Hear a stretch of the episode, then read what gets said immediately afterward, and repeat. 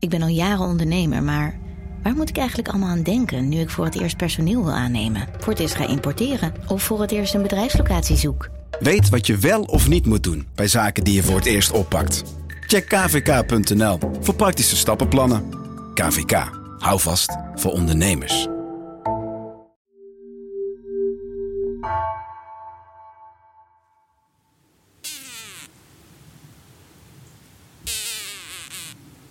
Een hele rustige. Dit beeld wat ik heb, dat heeft natuurlijk bijna niemand. De gewone Nederlander ziet dit natuurlijk niet. Het is niet alleen dat het verandert, het is vooral het tempo waar het in verandert. Hij lijkt op een bij. Waarom is het geen bij? Omdat hij niet steekt. ja. ja, ik ben eh, Theo Zegers en ik werk aan studies die eh, onderzoeken of onze insecten aantallen vooruit of achteruit gaan. En nou ja, meestal is het dus achteruit. Ik heb, eh, het belangrijkste is eh, een vliegennet, waarmee we uh, ja, zweefvliegen gaan zoeken en vangen. Bij uitstek indicatoren van hoe het gaat met ons bos. Het is een bos zeg maar hoog op de Veluwe. En het ligt aan de kant van Barneveld. En in de loop der jaren heeft het te lijden gehad van twee dingen. De ene is droogte. En droogte is natuurlijk het gevolg van klimaat. En het andere is stikstof. En uh, ja, dat leidt dus tot een achteruitgang van de vitaliteit van de bomen. Er leven een heleboel beesten op die bomen, bijvoorbeeld bladluizen. En de zweefvliegen waar wij naar kijken, een groot aantal soorten, eet bladluizen. Dus als die bladluizenpopulatie in elkaar dondert, dan gaan de jagers daarvan, de zweefvliegen, die storten dan ook in. Waarom we hier zijn is dat hier onderzoek begonnen is uh, in 1982. En uh, als mijn vriend dan hierheen ging, dan zag hij 300 exemplaren op zijn vaste route. En tegenwoordig zien we er 10. Van 300 naar 10. Dus dat is een enorme achteruitgang in het aantal zweefvliegen. En ook het aantal soorten is gehalveerd. Het tempo waarin het gebeurt en het feit dat er geen rem aan lijkt te zitten... ja, daar moet ik niet hard over nadenken, want dan krijg ik nachtmerries. Die insecten vormen natuurlijk zowel in aantal soorten als gewoon in hoeveelheid vlees, in hoeveelheid eten, de basis van ons voedselsysteem. Het is onze thermometer, zeg maar. Het is de thermometer die wij hebben.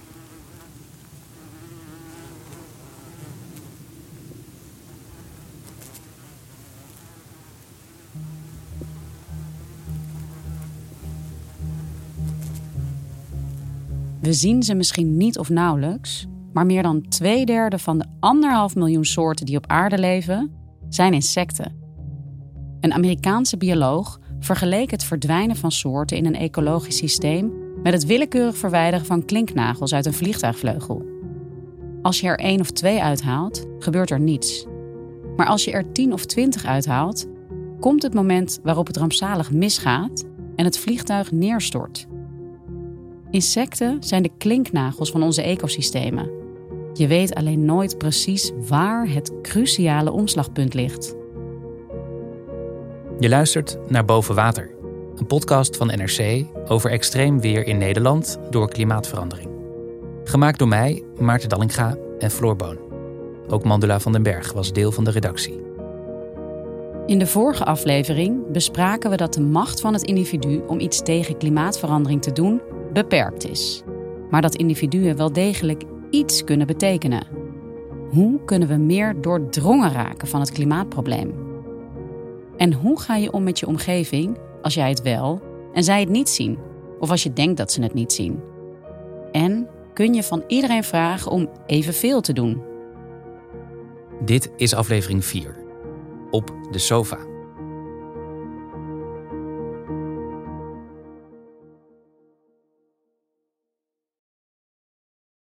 Als ik auto ga rijden, voel ik me eigenlijk nog steeds schuldig. Want ik heb geen elektrische auto. En ik denk wel eens, het is bijna elke molecuul CO2 die je in de lucht uitstoot, weet je dat daar in de toekomst mensen door doodgaan. Zo plat is het eigenlijk. Het gevolg daarvan is dus dat elke keer als ik in de auto stap, wel eens denk van, oh, ik ga weer mensen doodmaken, indirect. Ja, dat, het is heel heftig in een zekere zin ook wel weer een beetje onwerelds of zo, hoe zeg je dat? Maar nou ja, het is toch wel wat we aan het doen zijn. Je hoort oceanograaf Sjoerd Groeskamp.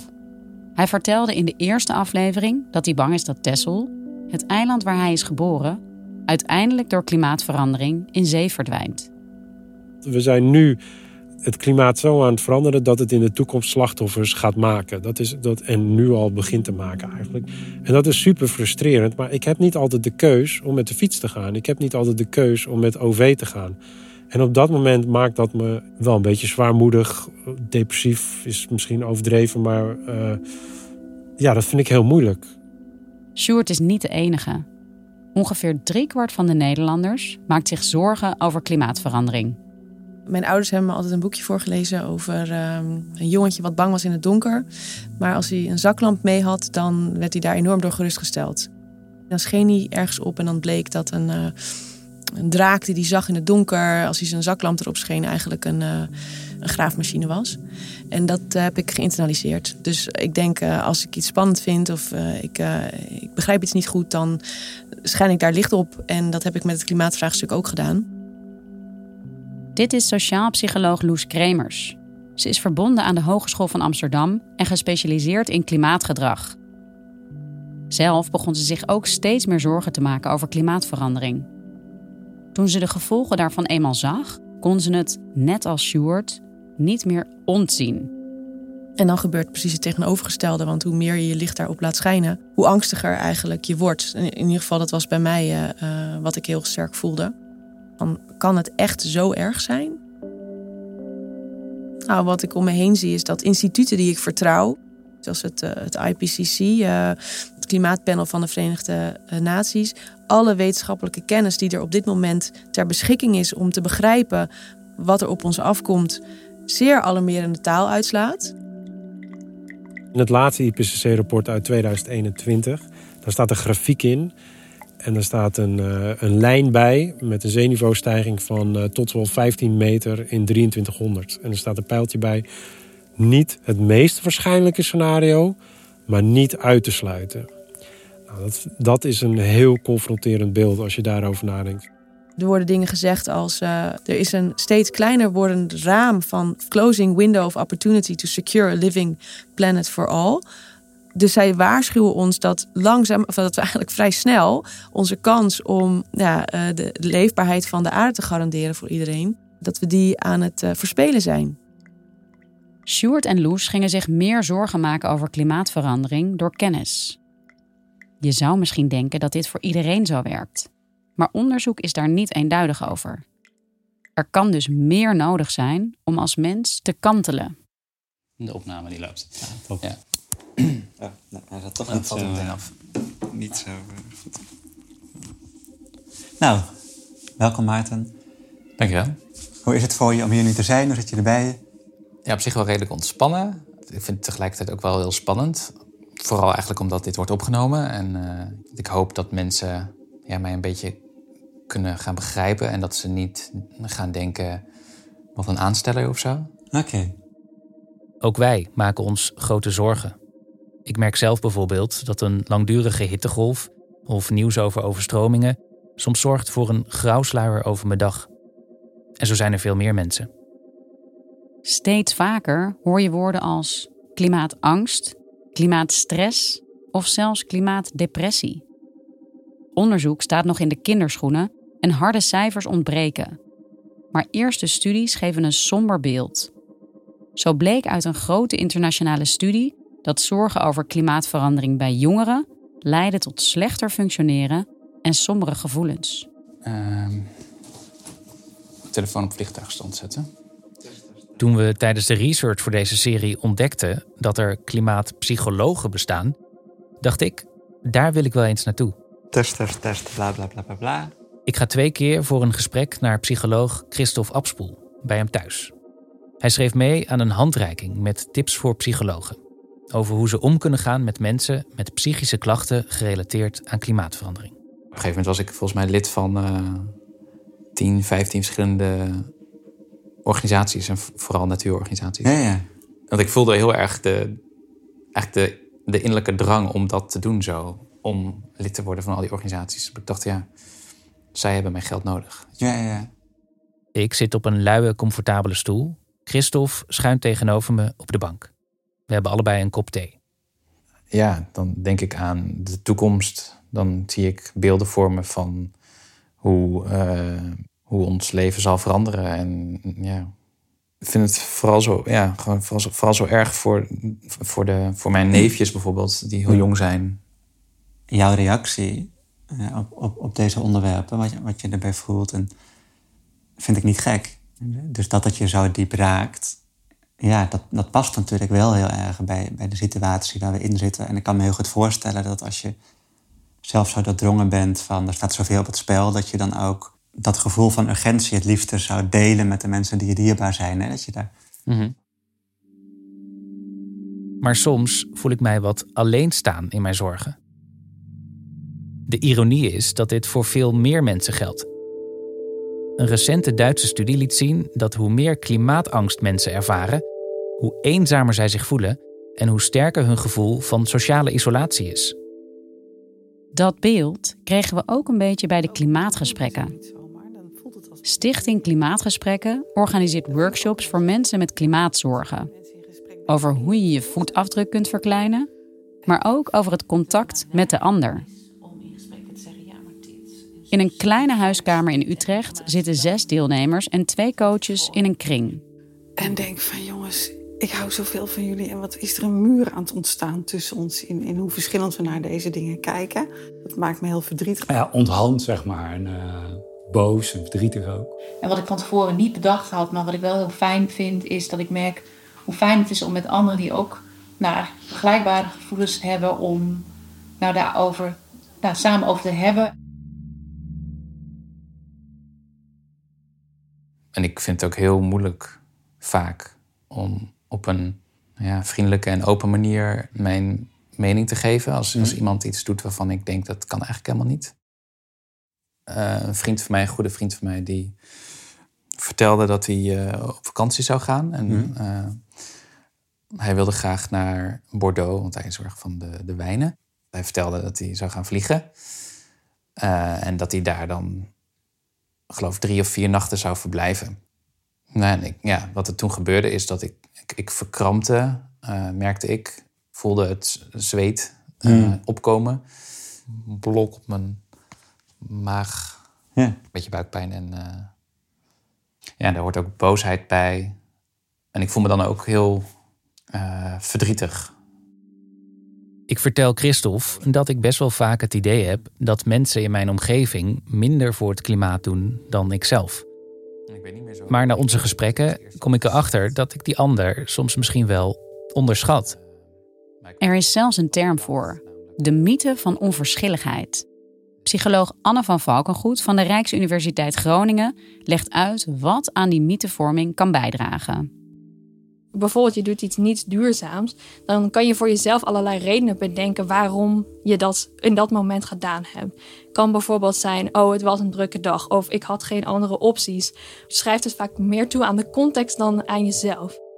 Maar als je iemand anders iets niet duurzaam ziet doen, dan hebben mensen heel erg de neiging om het toe te wijzen aan de persoon als individu. En dan hebben ze minder de neiging om na te denken over die contextuele factoren. Kort gezegd zijn mensen vaak strenger voor de ander dan voor zichzelf. Terug naar dat moment met die vriend die ging vliegen naar Bordeaux.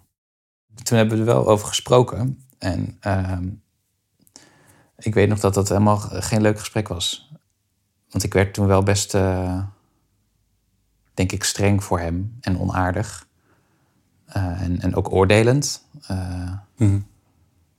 Ik wil helemaal geen afstand tot hem voelen. En, en ja, hoe, hoe kan ik mijn eigen gevoel zodanig ja, kanaliseren dat ik niet al te onaardig overkom?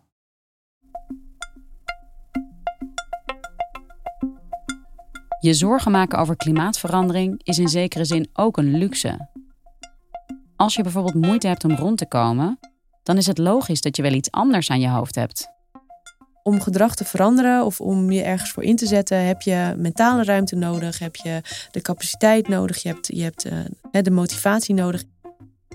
Je hoort weer sociaal wetenschapper Loes Kremers, gespecialiseerd in klimaatgedrag. En het kan heel goed zijn dat jij al die aandacht en energie al opverbruikt aan allerlei andere dingen die jouw aandacht vragen. Brood op de plank, uh, mantelzorg, uh, een ziek kind, weet je, andere zorgen. Oftewel, je kunt niet verwachten dat ieder individu zich in dezelfde mate bezighoudt met klimaatverandering. Ik wil zeker niet iedereen over één kam scheren, maar wat wij wel zien is, dat blijkt ook uit onderzoek, dat vooral mensen met een hoger inkomen een grote rol kunnen spelen in dit vraagstuk. En omdat ze enerzijds een veel grotere voetafdruk hebben, veel vervuilender zijn. Uh, maar anderzijds omdat ze ook veel beter hun invloed kunnen aanwenden om die verandering op een positieve manier door te zetten. Een, groter netwerk met andere mensen die ook allemaal op invloedrijke posities zitten. Uh, als je mensen zo opdeelt tussen hoog en laag inkomen, dat de mensen met een hoger inkomen die geldzorg hè, dan in ieder geval niet zouden, zouden hebben.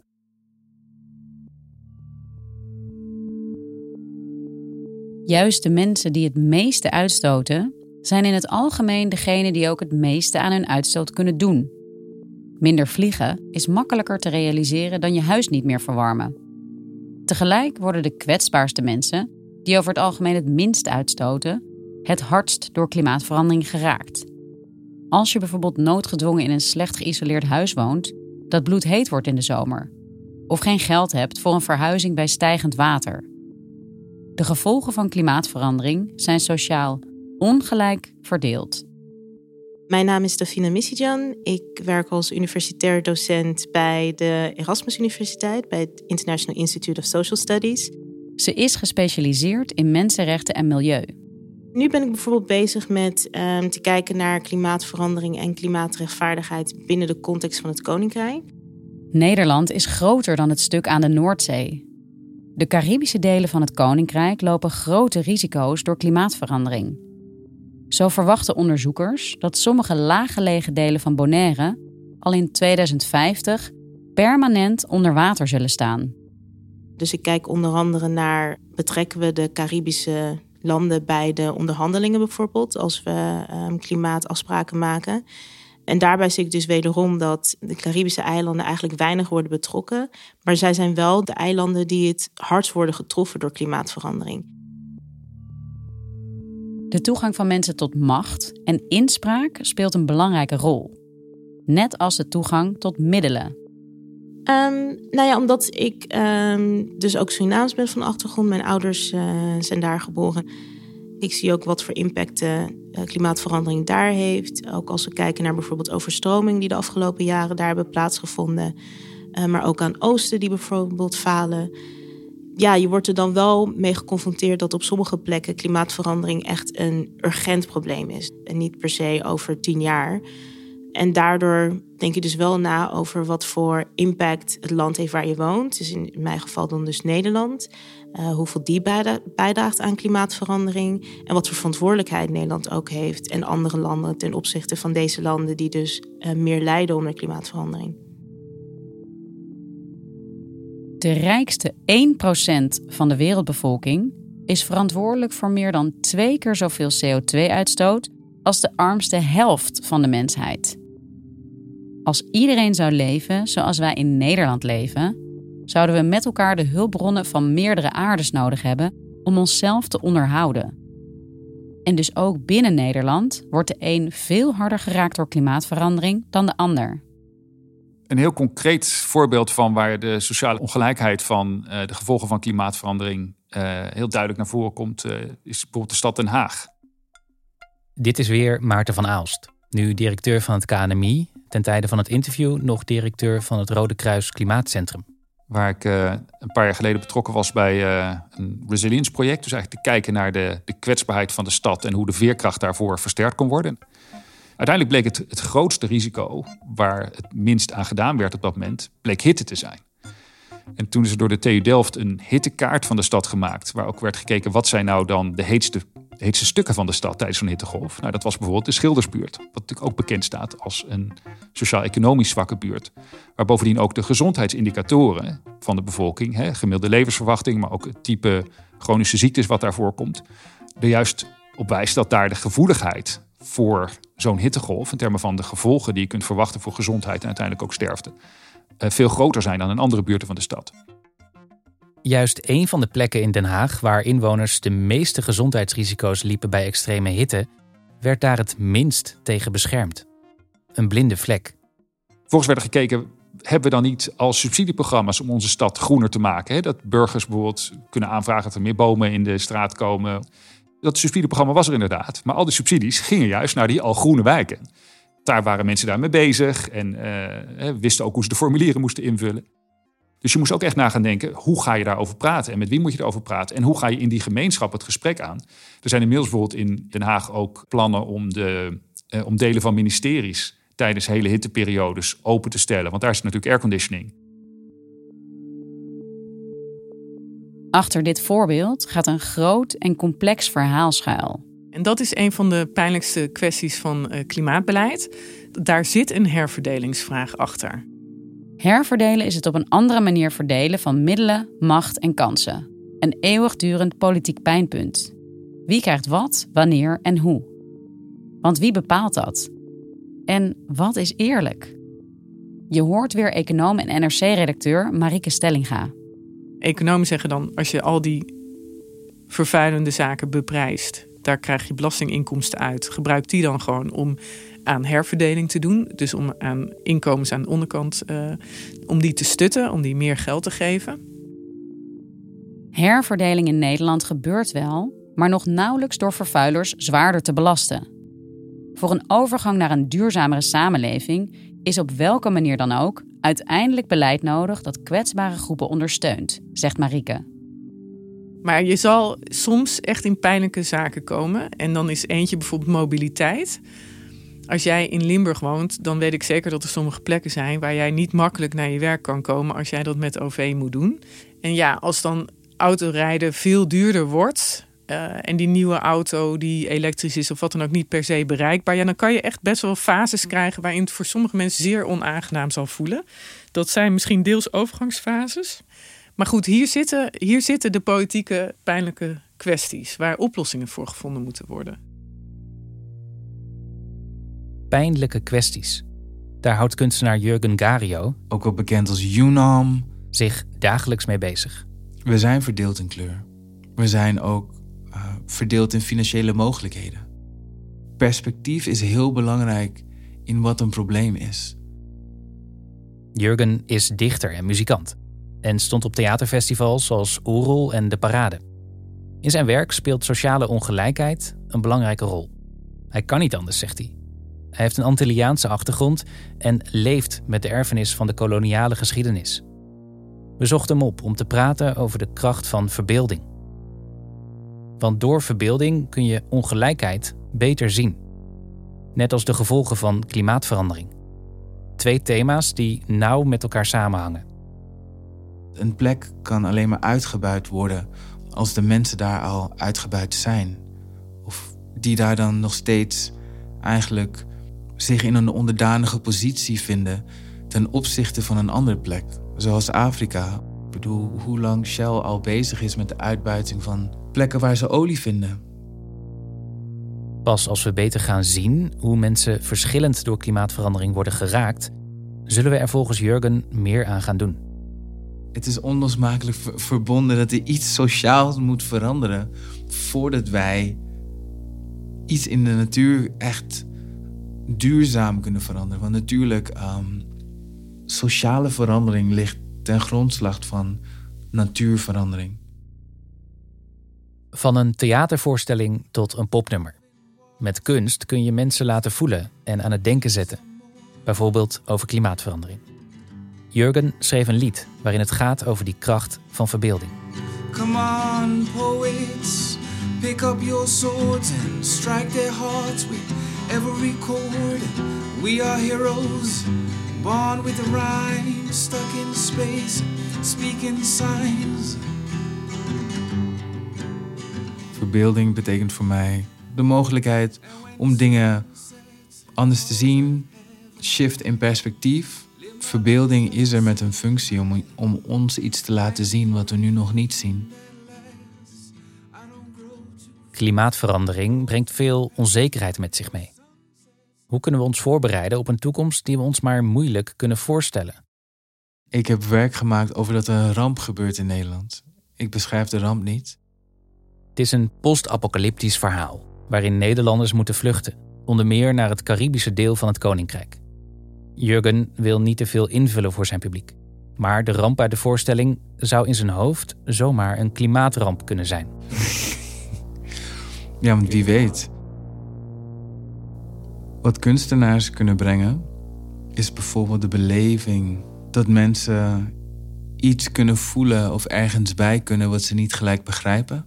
Ik denk dat kunst vooral een oproep is om erbij stil te gaan staan. Dan pas gaat je bewegen. Of je nou kijkt naar overheden, bedrijven of het individu. Om klimaatverandering aan te pakken, moet je eerst doordrongen raken van de urgentie. Want je ziet gewoon meer als je langzamer gaat. Iets wat ver in de toekomst ligt, heeft eigenlijk minder waarde. Als je denkt aan water bijvoorbeeld, dan denk je van nou, water nu is belangrijker dan water over 20 jaar. Maar het zou best kunnen zijn dat we echt een tekort gaan hebben. Klimaatpsycholoog Gerdien de Vries en Marten Scheffer, hoogleraar ecologie en waterkwaliteit. De kunst beweegt de mens toch in het algemeen meer dan de wetenschap. Ik denk dat het wel scheelt als je je dus kan voorstellen, of misschien wel zichtbaar hebt gekregen, hoe de toestand van water op aarde over 20 jaar is. We hebben dual thinking, hè, twee manieren om je hoofd te gebruiken. Het een is de ratio en het andere is de intuïtie. En als je kijkt hoe, hoe nemen we nou feitelijk onze beslissingen, dan is dat de intuïtie. Wat verbeeldingskracht doet, is dat je beter ziet wat consequenties kunnen zijn. Feitelijk worden onze beslissingen, ons gedrag, door intuïtie aangedreven. Dan is de, de narratief is er heel belangrijk, de verbeelding.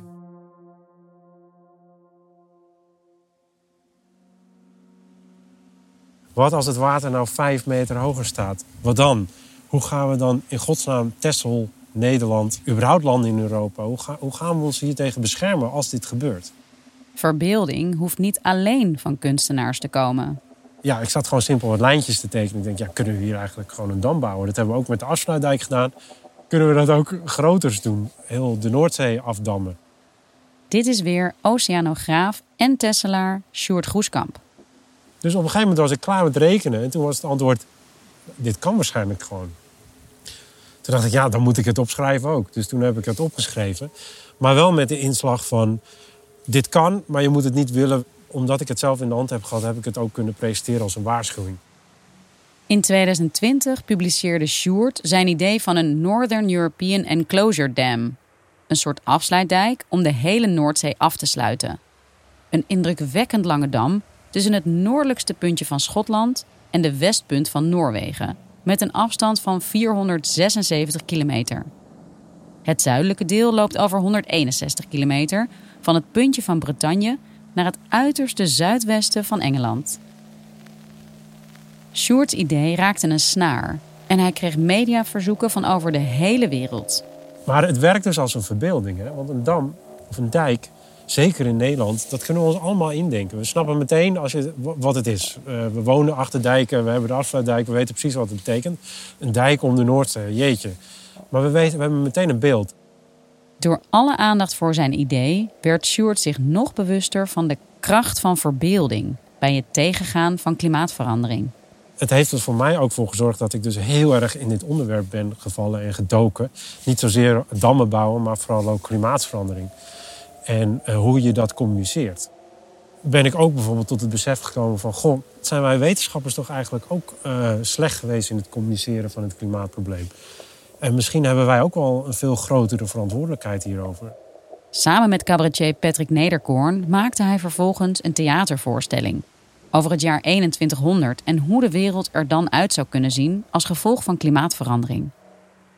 Telkens hoopt hij dat er ook een politicus of bestuurder in de zaal zit daarin denk ik dat wij als wetenschappers misschien gefaald hebben. Dat we zo lang gedacht hebben dat uh, door het IPCC-rapport over de schutting te gooien, dat dan uh, de politiek en de beleidsmakers wel wat zouden gaan doen. Eigenlijk hadden we gewoon 15 jaar geleden al moeten weten dat dat niet ging gebeuren. En toen al op een andere manier misschien moeten gaan uh, communiceren. Ik werd zelf als kind geraakt door het jeugdboek Niemand houdt mij tegen van Evert Hartman. Het is een verhaal over Nederland begin 22e eeuw. Door zeespiegelstijging is heel het westen van het land overstroomd. Het boek maakte diepe indruk en droeg misschien wel bij aan mijn zorgen over klimaatverandering. Wat nu dan door mijn hoofd schiet is gelijk. Hoe zeg je iets wat mensen dan meteen wat mensen begrijpen en hoe zeg je iets wat mensen ja, aanzet tot nadenken? Terug bij klimaatpsycholoog Christophe Abspoel. Ik vertelde hem over een vriend die voor een paar dagen naar Bordeaux zou gaan met het vliegtuig. En ons stroeve gesprek daarover. Dan ben je activist. nee, dan, dan ben je van hoe, hoe overtuig ik hem. Mm. Ehm, maar, maar er is ook een, het gaat ook om een vriendschap, hè? Ja. Ik volg bij Christophe geen therapie. Daarvoor zijn twee sessies veel te beperkt. Ik wil er ook een beetje voor waken dat iedereen die hier gevoelens over heeft denkt... Uh, ik moet daar hulpverlening voor, want die gevoelens zijn natuurlijk heel normaal.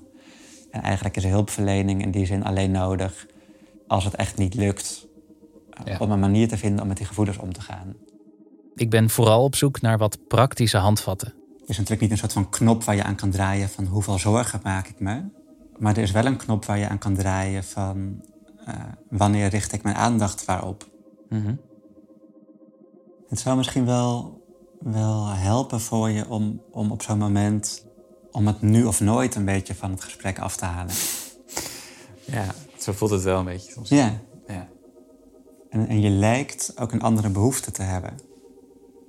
Je lijkt ook wel de behoefte te hebben dat hij jou ook snapt en hoort Ja. en ziet. Ja. En, en dat, gaat, denk dat gaat niet gebeuren als je alleen op de inhoud en, en je pijlen afvuurt, zeg maar.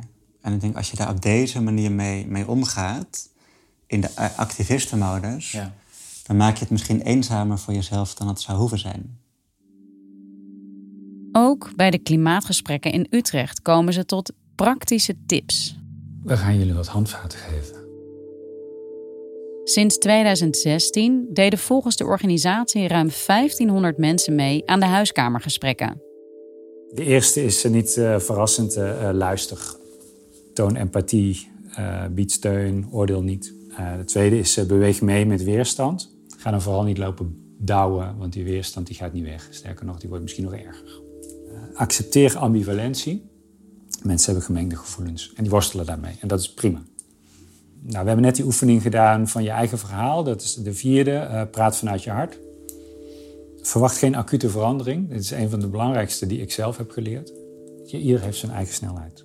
Ik heb me altijd veel eenzaam eh, erover gevoeld. Een soort muurtje tussen mij en de ander. En nu zie ik meer de uitdaging erin om te zoeken naar hoe ik aansluiting kan vinden. En dat geeft, ja, eigenlijk geeft troost, maar ook moed om ermee verder te gaan.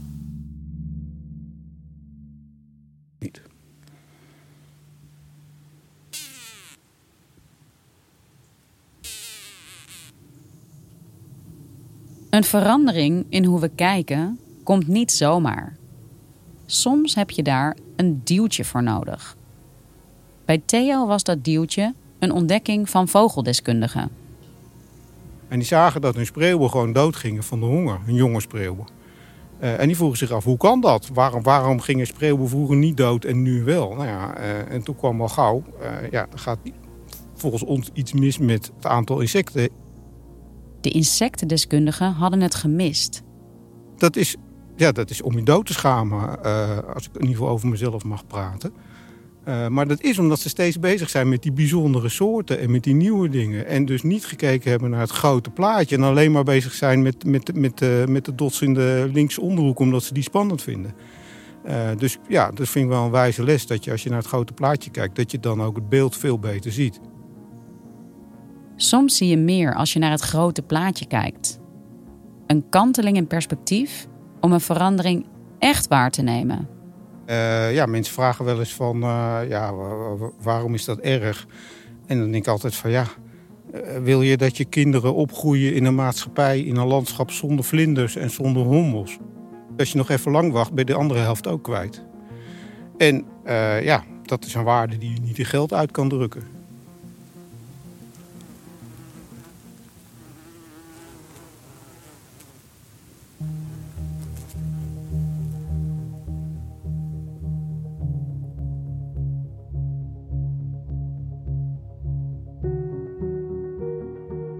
Dit was de vierde aflevering. Ben je enthousiast over bovenwater? Laat dan een recensie achter. Iedere woensdag verschijnt een nieuwe aflevering. In de volgende. Wat is de zin of onzin van activisme? En hoe voed je op in een opwarmend klimaat? Kijk, als je nu praat, dan gaat hij het opnemen. Oké. Waar staan we nu? Op een gletsjer. Op een gletsjer. En wat zie je eigenlijk? Heel veel bergen voor je. En je ziet ook sneeuw. Pedagogiek van de hoop. Je moet ook optimisme doorgeven aan kinderen. En heel veel stenen. Zie je eigenlijk meer ijs en sneeuw of meer stenen? Meer stenen. Het is ook voor een klein meisje om in een ijskoud huis te zitten en koud te douchen. Altijd sombere verhalen te horen. Mijn vader zei het leven ja, hoeft niet leuk te zijn. Ja, ik heb er ook wat stress aan overgehouden. Politie aan mijn arm. Daar ga ik, jongens. Ja, ja, ik ga met je mee. Ja? Gaan lopen? 1, 2. Ik weet dat er collega's zijn die wel de barricade opgaan. Ja, eigenlijk ben ik daar wel jaloers op. Je onafhankelijkheid en je expertise. Ja, dat is eigenlijk voor een wetenschapper je reputatie.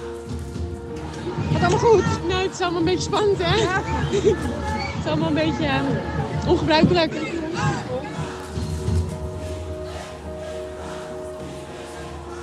Boven Water is een podcast van NRC. Gemaakt door Floor Boon, Maarten Dallinga en Mandela van den Berg. Montage Maarten Dallinga en audiochef. Muziek Maarten Vos.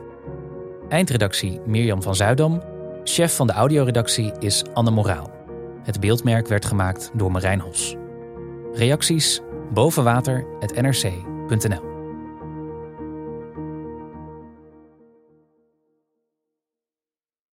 Technologie lijkt tegenwoordig het antwoord op iedere uitdaging. Bij PwC zien we dit anders. Als we de potentie van technologie willen benutten, kunnen we niet zonder een menselijk perspectief. Human-led, tech-powered noemen we dat. Ga naar pwc.nl.